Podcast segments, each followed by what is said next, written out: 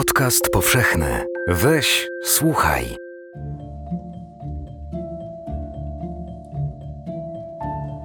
Brodzą w jeziorze. Dno jest bagniste, stopy zapadają się. Teraz połóż się na plecach, mówi.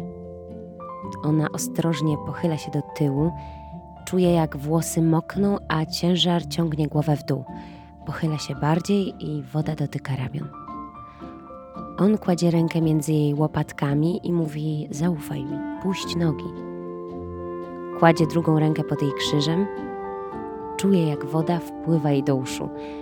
Słyszy go przez ciemność. Rozluźnij się. Nie wie, dlaczego zamyka oczy. Spina każdy mięsień i leży jak deska na jego rękach. Liczy kręgi w dół i w górę. Próbuje zmięknąć, a on puszcza rękę między łopatkami i głowa leci pod powierzchnię. Woda dostaje jej się do buzi i nosa. Co robisz? krzyczy. Uczę cię pływać. Dlaczego? On odwraca się, odpływa, prostuje ramiona nad głową. Wszystko bardzo szybko. Nie ma zamiaru na niego czekać. Czeka na nią w wodzie. Ma szerokie ramiona. Włożyła stary strój babci. Kładzie się na jego rękach i ciężko opiera na nich klatkę piersiową. On drugą rękę trzyma tuż pod pępkiem. Teraz popłyń kawałek, jak pokazywałem ci na wsi. Próbuje ukształtować ruchy ramion z motyla. Stara się utrzymać głowę nad powierzchnią, ale boli ją kark. Nie wolno ci puścić, mówi do niego i skupia się na skrzydłach. Głowa schyla się, najpierw woda dotyka brody, potem wpływa między usta. Twarz przecina powierzchnię, ciemność wpada do środka ciała. Oczy są zawsze otwarte pod powiekami, myśli. Nie zauważa, że ją puścił. Najpierw cofnął rękę spod pępka, a potem lewą, bezpiecznie spoczywającą pod klatką piersiową. Płynie. Jak noc ku świtowi rozciąga się, jak kwiat otwiera kielich w stronę wschodu słońca. Co się stało, dziadku? Widzi, że drżą mu oczy. Ida Linde. Jeśli o tobie zapomnę, stanę się kimś innym. Fragment w przekładzie Justyny Czechowskiej.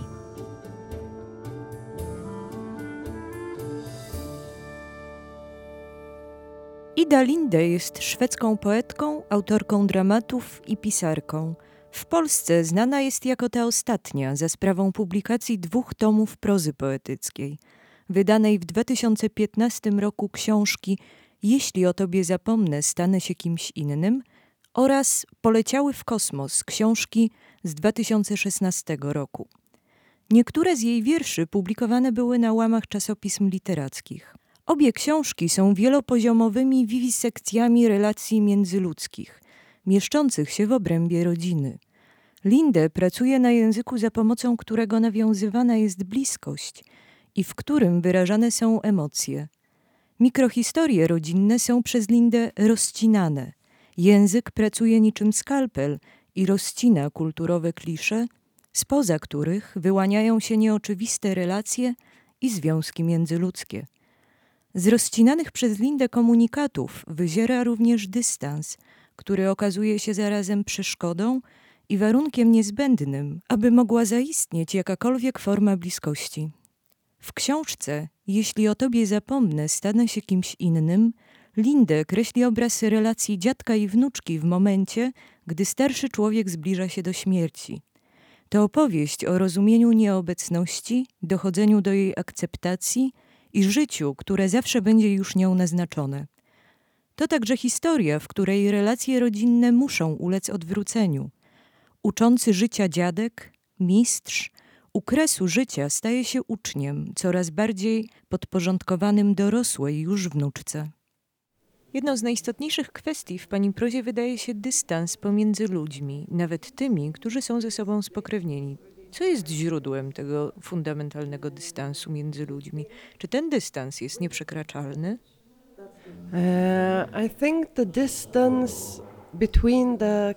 Myślę, że ten dystans pomiędzy różnymi bohaterami moich książek jest konieczny, by mogła pojawić się intymność.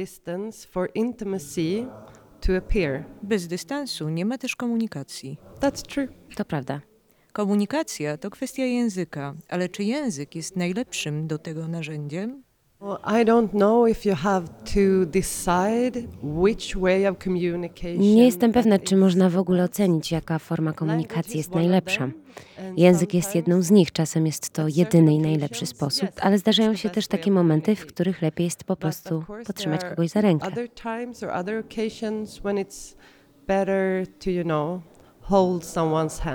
Język może być przecież źródłem alienacji, może prowadzić do nieporozumień. Uh, language is also uh, uh, alienation. Ale być może ta samotność, którą język tylko odsłania, to stan permanentny, bezwarunkowy. Kind of uh, discover is a loneliness that's there all the time, anyhow.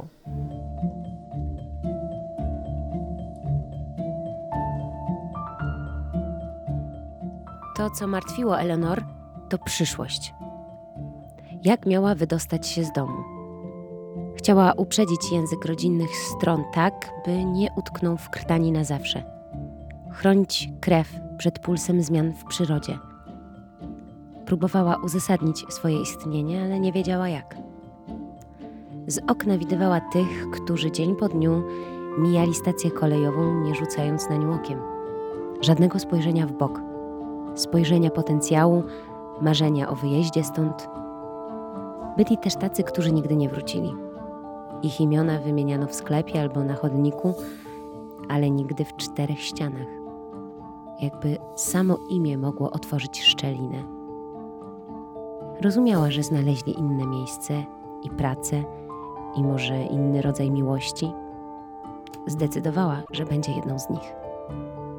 W dniu zakończenia szkoły Panie i magistrowie klepali ją po ramieniu. Podawali ręce Mutti i Papi. Oboje mieli mocny uścisk dłoni i świeżo wyprasowane ubrania. Wszystkim gratulowano i wszyscy trzymali w dłoniach rumianki. Eleonor była piękna jak poranek, a gdy chłopcy tego dnia ubrani w garnitury się uśmiechali, odwracała się do nich plecami. Eleonor była przeznaczona do wielkich czynów a w wielkich czynach nie ma miejsca dla chłopców.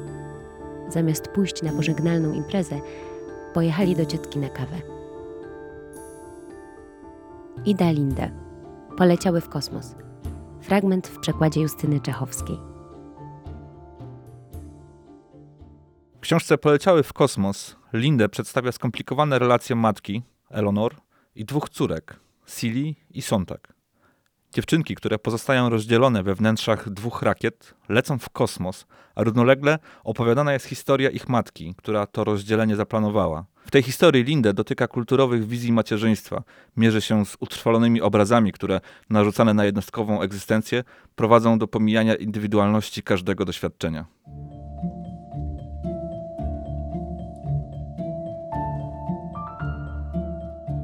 Zawnioskowała o etat naukowo-badawczy w Princeton, ale odmówiono jej. Nie chciała prosić Kleina o rekomendacje. Wiedziała, że to zależy od niego, wiedziała, że nigdy nie będzie mogła go o to poprosić. Czas prostoty minął, a słowo kapitulacja stało się wiernym towarzyszem. Gdyby tylko potrafiła być bardziej hojna, dawać więcej ze swej wiedzy i siebie samej, pracować w inny sposób, myśleć inne myśli, kochać inaczej, oddać i włączyć się, być częścią, dzielić, dać się pochłonąć, dać się wyzwać, wytrzymać, zostać. Ida Linde. Poleciały w kosmos. Fragment w przekładzie Justyny Czechowskiej.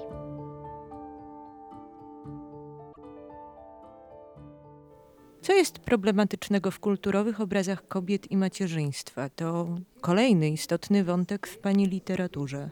Yes, I think the cultural images uh, of uh, what you're supposed to be as a woman or how you're Na pewno wszelkie reprezentacje, które pokazują, jak ma zachowywać się uh, kobieta czy mężczyzna, są uh, bardzo ograniczające, gdyż wyznaczają ludzkie postawy, uh, wyznaczają też spektrum ludzkich zachowań.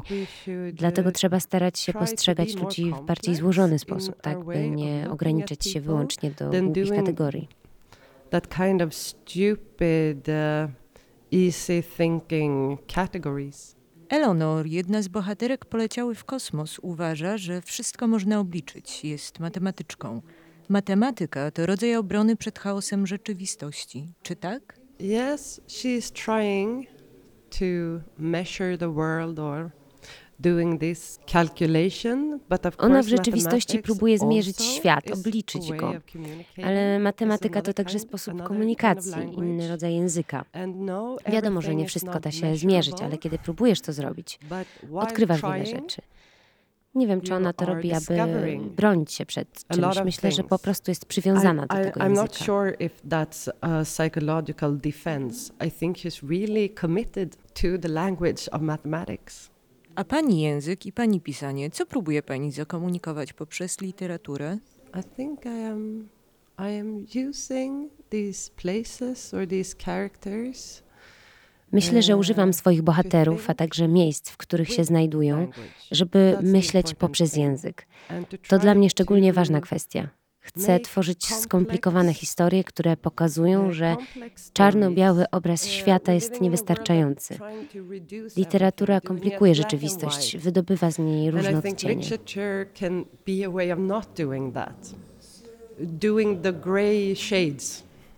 Proza Idy Linde eksponuje mechanizmy działania języka, lecz nie po to, by uprościć rzeczywistość, ale by ujawnić jej złożoną strukturę. Tak, jak złożony może być wizerunek macierzyństwa, zawsze pojedynczego i konkretnego, niesprowadzalnego do żadnego uniwersalnego przedstawienia. By uprawiać tak rozumianą literaturę, literaturę, która komplikuje rzeczywistość, potrzebna jest wyobraźnia i pisarska odwaga, by pomyśleć świat inaczej. Spotkanie z panią podczas tegorocznej edycji festiwalu Konrada miało tytuł Czy inny świat jest możliwy? To pytanie do literatury. Czy za jej pomocą można zmienić świat? Oh, I don't think I changed the world with my books. I don't. Uh, Nie uważam, że moimi książkami zmieniam rzeczywistość, ale literatura może odgrywać niezwykle doniosłą rolę uh, w kwestii alternate tego, jak postrzegamy nasz świat. Pomaga nam zyskać inne perspektywy oglądu naszego życia. To wielka uh, rzecz. Z drugiej strony uważam, że jeśli chcesz zmienić świat, to musisz uh, użyć swoich rąk. Of course, it's a big thing. But I also think that if you want to change the world, you have to use your hands. Czyli w pewnym sensie jest pani pisarką polityczną. Yes, I think it's really hard not to be a political. Myślę, że bardzo trudno jest nie być osobą polityczną w uh, dzisiejszym świecie. I w tym sensie moja literatura ma polityczny potencjał. Political person, of course, my writing also have political potential. Jak można by go dokładniej określić? A simple example that would be presenting uh, Eleanor. Weźmy prosty przykład. in moja bohaterka, to postać, Uh, której brakowało mi w literaturze. Matka, która jest jednocześnie uh, oddana pracy zawodowej. Nie sądzę, żeby była przez to złą matką, jest za to matką prawdziwą. Brakowało w literaturze takiego portretu, bo w rzeczywistości występuje bardzo często. Dlatego chciałam ją opisać. A czy mogłaby pani opowiedzieć kilka słów o kolejnej książce, która niebawem ukaże się w polskim przekładzie? From the beginning, it's based on a Bruce Springsteen album called Nebraska. Yes, I was growing up thinking I was Bruce Springsteen. To historia inspirowana albumem Uh, Nebraska Bruce'a Springsteena. uh, E, Dorastałam wyobrażając uh, sobie, że sama jestem Bruce'em Springsteenem. Ten pomysł towarzyszy mi od bardzo dawna. Teksty Springsteena pisane są z bardzo męskiej perspektywy, ale w zasadzie to uniwersalna wizja. Musisz zostawić za sobą dom, by móc za nim tęsknić. Poniekąd przełożyłam ten album na literaturę, uwzględniając uh, perspektywę północnej Szwecji, z której pochodzę. I oczywiście zmieniłam płeć. To postać kobiety staje się główną bohaterką. uh, Chciałam napisać książkę o konsekwencjach naszych czynów, więc pojawia się w niej uh, morderstwo i to, co przychodzi po nim. Ale stawiam też inne pytanie. Czy można odziedziczyć doświadczenia bycia ograbionym? Uh, Więc to także opowieść 18th polityczna o zyskach, jakie czerpie się z niszczenia skandynawskich lasów, o pieniądzach, które od XVIII wieku trafiają na uh, południe kraju. I być może właśnie ten proceder jest największą this, zbrodnią. uh, W literaturze najlepsze jest to że, że dzięki niej możemy podróżować w Uh, czasie. and that's the best thing with literature because it's the only thing, as far as I know, uh, where you can travel in time. A dlaczego akurat Bruce Springsteen? Yeah, I think he was. Um, oh, now I have to be a little bit personal. it's okay. yeah, you know, my mother, she was a very political person and she hated the imperialism of the United States. To bardzo osobista we were not historia. allowed to have Moja mama była bardzo zaangażowana States in our politycznie, home, you know, sprzeciwiała się imperialnej polityce Stanów. Zjednoczonych. Nie mogliśmy mieć w domu żadnych uh, elementów, które mogłyby się kojarzyć z amerykańską popkulturą. uh, Nie piliśmy na przykład Coca-Coli. W lecie matka pakowała nas do samochodu i Uh, podróżowaliśmy przez Europę. I wtedy zawsze słuchaliśmy w samochodzie Springsteena. Mówiła nam, że znów jesteśmy w drodze. We are on the road again. To "He's wspólne okay." wspomnienie moje i moich braci. Musiało być coś szczególnego w. Bruce'ie Springsteenie. Wiedziałam, że pochodzi z Ameryki, jednak moja matka mówiła o nim, że jest okej. felt Chciałam być jak on, nosić have białe t-shirty. Kiedy mieszkasz na północy Szwecji, dużo podróżujesz samochodem ze względu na olbrzymie odległości. uh. Wtedy właśnie chciałam być jak on. Kochałam swoje dzieciństwo na północy, ale jednocześnie miałam cały czas wrażenie, że wokół mnie jest mało przestrzeni, że świat jest ciasny i przytłaczający. To było obezwładniające poczucie. Dlatego chciałam się przeprowadzić do miejsc otwartych, bezkresnych, growing których nie myśli się o śmierci. I I felt it was too overwhelming. So I wanted to move. I wanted to go where there was this skyline or where you could see the horizon or something that would, you know, end the thought of death.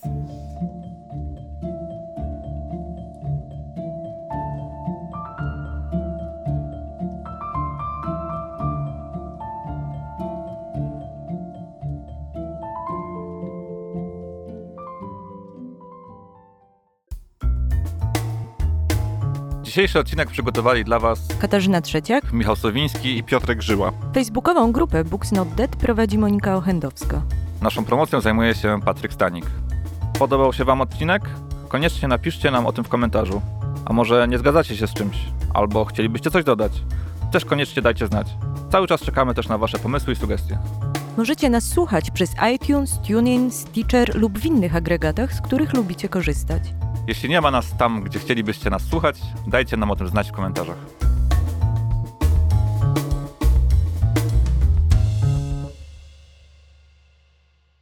Podcast powszechny.